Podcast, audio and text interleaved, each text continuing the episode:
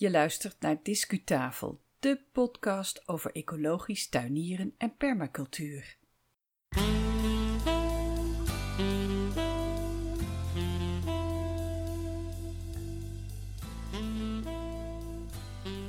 Hallo en welkom bij de 61ste aflevering van Discutafel podcast. Deze staat online sinds 7 november 2019, maar zoals altijd kan je hem nog heel lang terug beluisteren. Gratis en er voor niks. Ik ben Yvonne Smit, initiatiefnemer van deze allereerste Nederlandse podcast over ecologisch tuinieren. En deze keer staat de iris centraal, ofwel de lis. Dat is een plant uit onze vrije natuur. Je kent waarschijnlijk wel de gele lis aan de slootkant. Maar hij is ook veelvuldig toegepast als cultivar in tuinen. Nou, en nou ben ik zelf niet zo heel erg een fan van de cultivars van de lis. Maar wat ik wel geweldig vind is de, ja, de passie en het, vakmanschap dat uh, plantspecialisten uh, blootleggen, laten zien, zoals uh, Marianne Joosten. Als je eenmaal weet hoe de iris werkt, zegt ze, dan kan je hem beter verzorgen. En dat is een uitgangspunt, een insteek waar ik eigenlijk helemaal achter sta. Met Joost heb ik straks een interview in de rubriek Discu-gesprek. Maar we beginnen met de iris benaderd vanuit de cultuur en de plantkunde.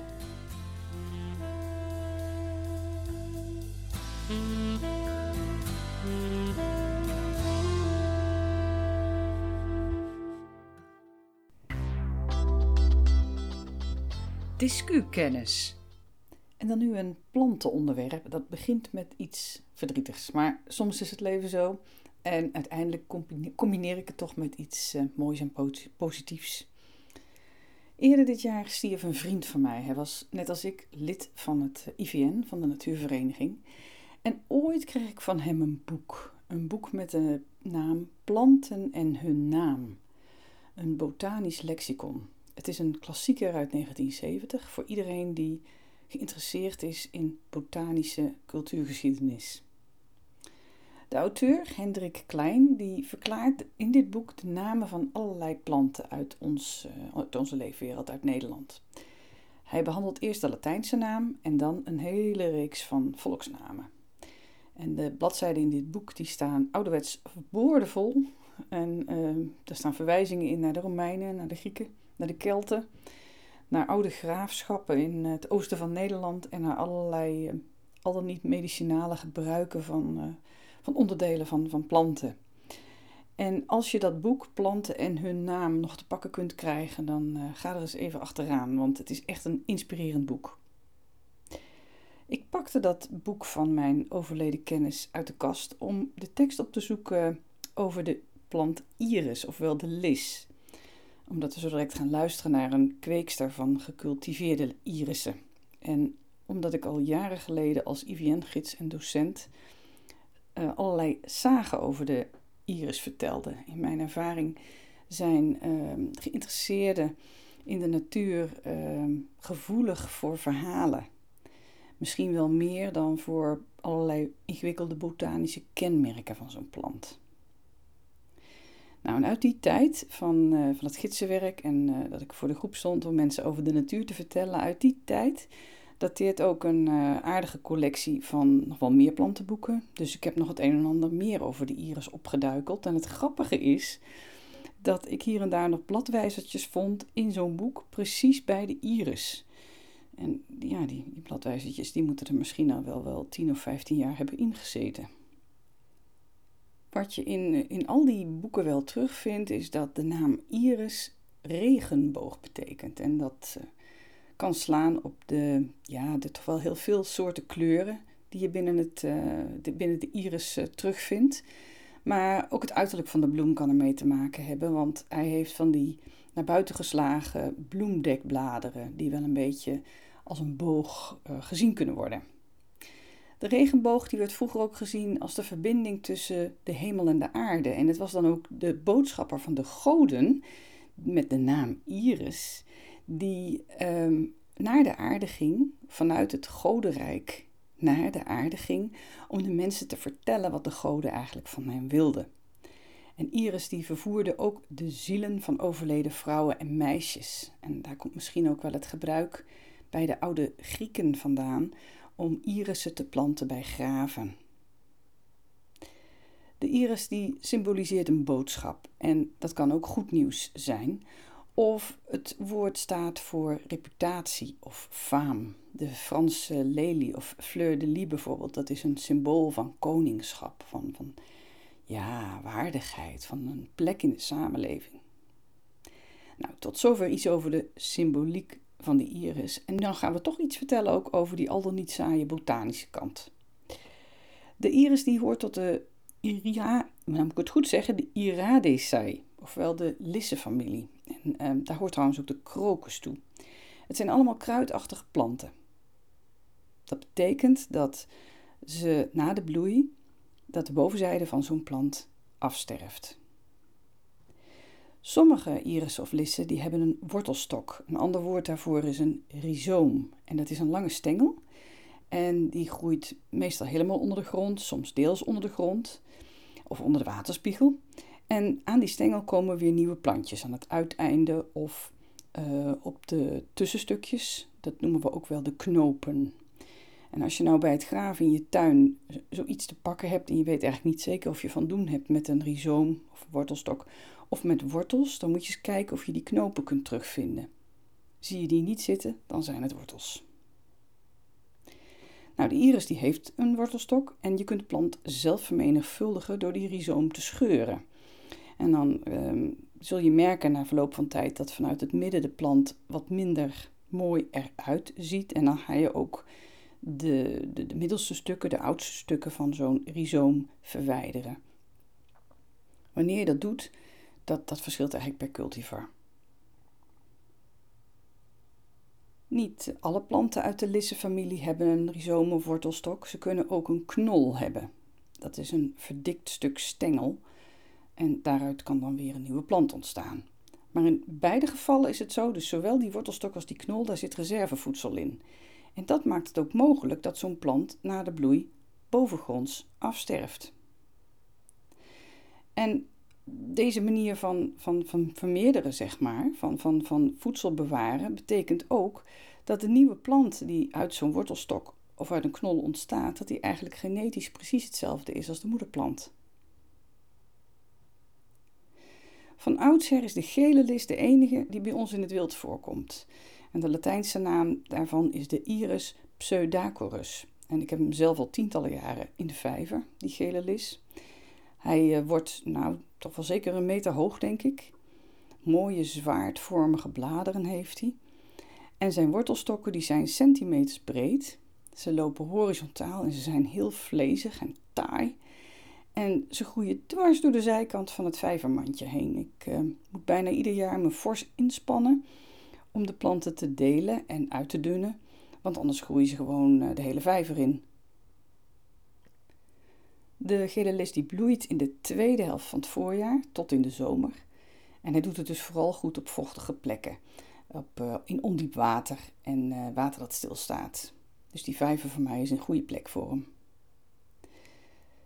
Nou, die gele lis is dus de, de, de van oorsprong hier groeiende plant, maar intussen zijn er wel wat meer soorten hier naartoe gekomen, want in de loop der eeuwen zijn uh, soorten uit Azië en Zuid-Europa ingevoerd. En er is goed uh, gekweekt en er zijn kruisingen gemaakt. Daar ga je straks in het discugesprek uh, iets meer over horen. En deze planten hebben vaak blauwe of paarsblauwe bloemen. En soms tref je daarvan ook een plantje in het wild aan. Die heeft het dan bij ons ook gered om gewoon zonder verdere menselijke begeleiding te groeien. De wereld van kweekster Marianne Joosten, die je zo direct zult horen, die wereld dat draait ook rondom de iris, maar dan dus de gecultiveerde soorten. Zij kweekt onder meer de blauwe of Duitse lis. Die wordt ook wel de tuiniris genoemd. En de Latijnse naam daarvan is de Iris germanica. Zij managt de planten nogal ingrijpend. Uh, dat is nogal een contrast met de natuurlijke wereld waarover we in deze discutafel podcast vaak spreken. Maar toch raakt ze me met haar passie, haar grondige kennis. Kun je ook op de website van Kwekerij Joosten terugvinden. Ze weet er echt heel veel van. En wat ik ook mooi vind is dat ze stug doorgaat, volgens haar eigen visie en volgens haar eigen inzichten, omdat zij haar klanten gewoon de best presterende planten wil bieden. En ze neemt daarbij voor lief dat de opbrengsten niet altijd geweldig zijn. Ik vind het een mooi gesprek. Ik sprak Marianne Joosten tijdens de internationale kwekerijdagen Bingerden, medio juni 2019. Luister maar. Discu-gesprek. Ik zit hier in de stand van kwekerij Joosten. En jij bent? Marianne Joosten. Dus het is jullie kwekerij. Ja, dat klopt. Dat klopt. Wij zijn ermee begonnen. Wat kweken jullie? Wij, ko- wij kweken voor, voornamelijk Iris germanica en Hemerocallissen. Hemerocallis is een makkelijk product. En een iris iets moeilijker. Vooral omdat een iris niet in een pot wil groeien. Hij wil heel slecht in een pot. We doen het al 20 jaar, netjes oppotten. En waarom dit jaar, of eigenlijk vorig jaar, misschien ook wel jaren eerder, had ik altijd de, het idee, als ik dan door die velden loop met vol na 2 hectare mooie bloemen. Wat zou het mooi zijn om zo'n pol mee te nemen en zo aan mijn klanten te kunnen verkopen. En mijn zoon gaat het overnemen. Hij zegt, maar waarom- mam, waarom doe je dat niet? Ja, ja, waarom doe je dat niet? Je bent gewend om alles in een potje aan te brengen. Of droogverkoop als de kwaliteit, kwaliteit mooi is. Droogverkoop is. droogverkoop is dus dat je de plant dus uit de grond haalt, eh, deelt en scheurt. En het ene scheutje eh, eh, in een kistje legt heel netjes en de scheuten verkoopt. Ja, ja. Dan hoeft er geen pot om en dan kunnen de klanten het meteen planten. En daar zetten ze meestal drie plantjes bij elkaar. En dan duurt het ongeveer 1 tot 2, soms 3 jaar voordat het echt goed gaat bloeien. En dan sta je weer in zo'n tweejarig veld thuis. Dan denk je, dit moet beter kunnen. Dit moet... Dus dat zit wel in je hoofd. Maar het komt nog door drukte en door alle dingen doe je dat niet. Zijn we dit jaar begonnen om toch mooie bloeiende pollen uit te steken, in een tasje te doen en proberen te verkopen op beurzen. Dat ging redelijk. Maar ja, een plant stopt met bloeien. Na drie weken is dat uitgebloeid. En dat veld ook. En ik heb meerdere beurzen. Toen zei ik tegen onze jongens, kunnen we dat ook in de koeling zetten? Hebben we tien jaar geleden ook geprobeerd, toen ging het niet goed. Om de bloeitijd te verlengen. Om de Of bloeitijd te te, verplaatsen. verlengen. Ja, toen hadden we ze dus, zaten ze net in een bloemstengel. En waarschijnlijk te vroeg en te warm naar te koud. Dus je moet heel veel proberen om dat stadium goed te krijgen. Dus toen ben ik ook weer gestopt omdat het niet wou volgens mij. En nu hebben we het wel gedaan. De periode was wat kouder gelukkig. En we hebben ze in de koeling gezet. En we halen ze eruit. Precies op de knop dat hij springt. En de volgende dag was poef, de plantjes open. En ze staan er nog gewoon heel goed mooi bij. Dus je manipuleert een beetje de de bloeimoment van zo'n plant. Waardoor Nou, je hem beter aan klanten kan laten zien hoe die eruit ziet. Ja, als je dus wat. Kijk, heb je een beurs met bloeitijdperiode, is dat geen punt. Dan hoef je ze niet in de koeling te zetten. Maar nu zeg maar, zijn alle irissen op het veld op een paar na uitgebloeid, maar één knopje erop. Ja, dat kun je niet verkopen. Dat doet het niet te zien. Dus we hebben nu in het stadium dat ze dus al wel aan het uitbloeien zijn, maar nog genoeg bloemen hebben die openspringen, hebben we ze nu een week à 14 dagen verlaat. Normaal gaat dat niet.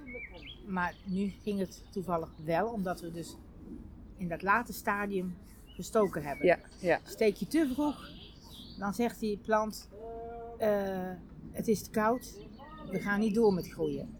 Ik sla gewoon een heel jaar over, zeg maar. Ja, nou, die zegt gewoon: Het is te koud en Ja. ik droog in. Ik doe het niet verder. Maar omdat we nou wat later hebben gestoken, op het moment dat ze eigenlijk aan het springen zijn, en je geeft dan in één keer een koude nacht, of een koude periode, zegt die knop, ik ga even stilstaan. Ik wacht tot het wat warmer wordt en dan ga ik open. En dit is een nieuwe ontwikkeling. Dit is in het vakgebied Nou, nog niet eh, het is in- gebruikelijk. In tulpen en in andere soorten is dat gebruikelijk, maar in een iris is dat nog niet. Met zo'n pol die je dan de mensen meteen het advies krijgen: alle bloemen eruit. Blaadjes afsnijden. Meteen scheuren en delen. U heeft 7 tot 5 mooie planten. Dat gaat groeien. En mensen leren dan hoe zo'n plantje gaat groeien. En hoe die ook in een pot geplant zou moeten worden. En dan zien ze ook dat alle oude worteltjes doodgaan. En elke plant nieuwe worteltjes krijgt. Dat weten heel veel mensen niet. Nee, dus alle voedingsstoffen zitten in. Is het een soort van knol? Of, of, of... Een rhizoom noemen we het dan. Ja, het is een ja. soort knol. Maar bij een Iris germanica noemen we het rhizoom. Daar, daar slaan ze al hun voeding in op. En daar leven ze van. Dus als ze in rust zijn, hebben ze die worteltjes niet nodig. Die sterven af. Die sterven En af. op het moment dat het nieuwe seizoen begint, ontwikkelen ze weer nieuwe worteltjes. Ja, dat klopt. En nu zijn we nog bezig om een hele mooie tas uit te zoeken. Wij wouden graag karton. Dat is milieuvriendelijker. Denken we dan. Er wordt ook bomen voor gekapt. Hoe ga je dat aanpassen? Maar ja, de eerste beurs hadden wij kartonnen dozen en het regende. Ja, dan weten we al wat er gebeurt. Dus dat kan niet. Dus nu zijn we op zoek naar een kunststof tas die snel afbreekt of waar je langer mee kunt doen. Maar zo ben je eigenlijk wel heel bezig om iets, iets, iets moois te creëren dat wat sneller bij de klant komt en wat je er wat minder kosten aan Hebben hebt. mensen hier in de stand enig idee van de, eh, van de ontwikkeling die, die zo'n bedrijf als dat van u doormaakt? Om, om dit allemaal te bedenken? Ik denk het niet.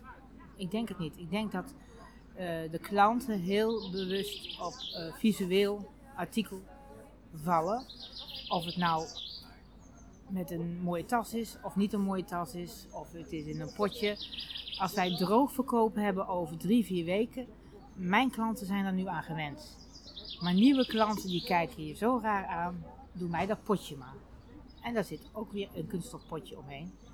30% van de irissen die je oppot, komt niet tot groei. Dat verdwijnt. Maar dat weten alle mensen niet. Nee. Het Ja. liefst zou ik al die klanten thuis willen hebben. En dan we samen met een schop door het land lopen en alles uitsteken als het bloeiend is. Dan is er gewoon veel meer kans dat die plantjes het redden en gaan floreren in de tuinen van de, van de klanten. Ja, ja. Terwijl dat een omgekeerde wereld is. Wat maakt dat u juist deze planten bent gaan kweken? Ik ben Het is niet de eenvoudigste soort, begrijp Het ik. is niet het eenvoudigste soort, maar als kind zijnde ben ik gefascineerd door de Iris germanica. Ik stond er altijd als kind bij te verwonderen. En wij waren een klein akkerbouwbedrijfje. En mijn man zegt, als jij iets erbij wil doen, zoek wat voor jezelf. En zo ben ik in Iris germanica begonnen.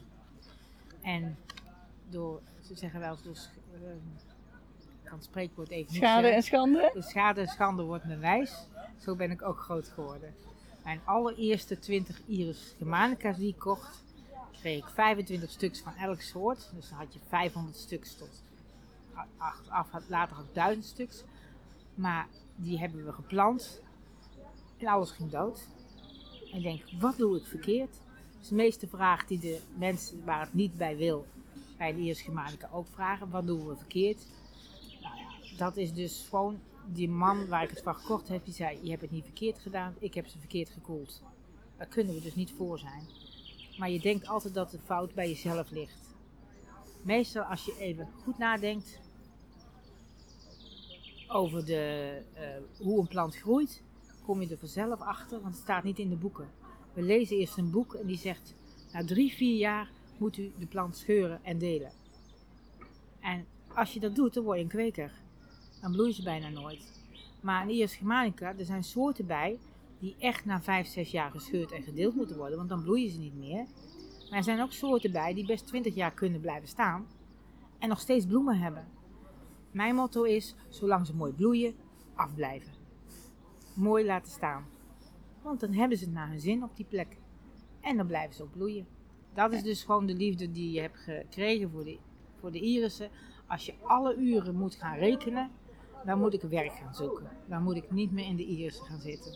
Maar dat is dus jouw vak. Zolang ik Geweldig. dat mag blijven doen en kan doen, zal ik het blijven doen. Bedankt voor dit verhaal. Geweldig. De ziel van u zit helemaal in dat bedrijf. Dank u wel. Ja, dankjewel.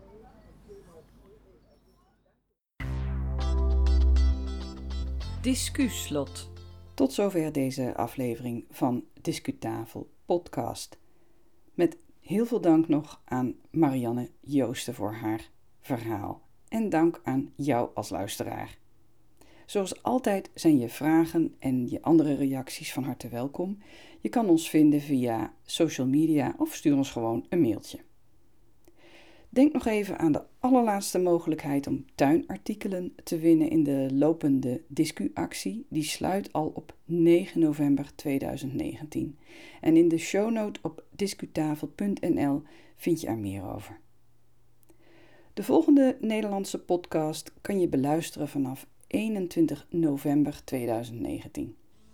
Ga intussen lekker naar buiten. Graag tot de volgende keer.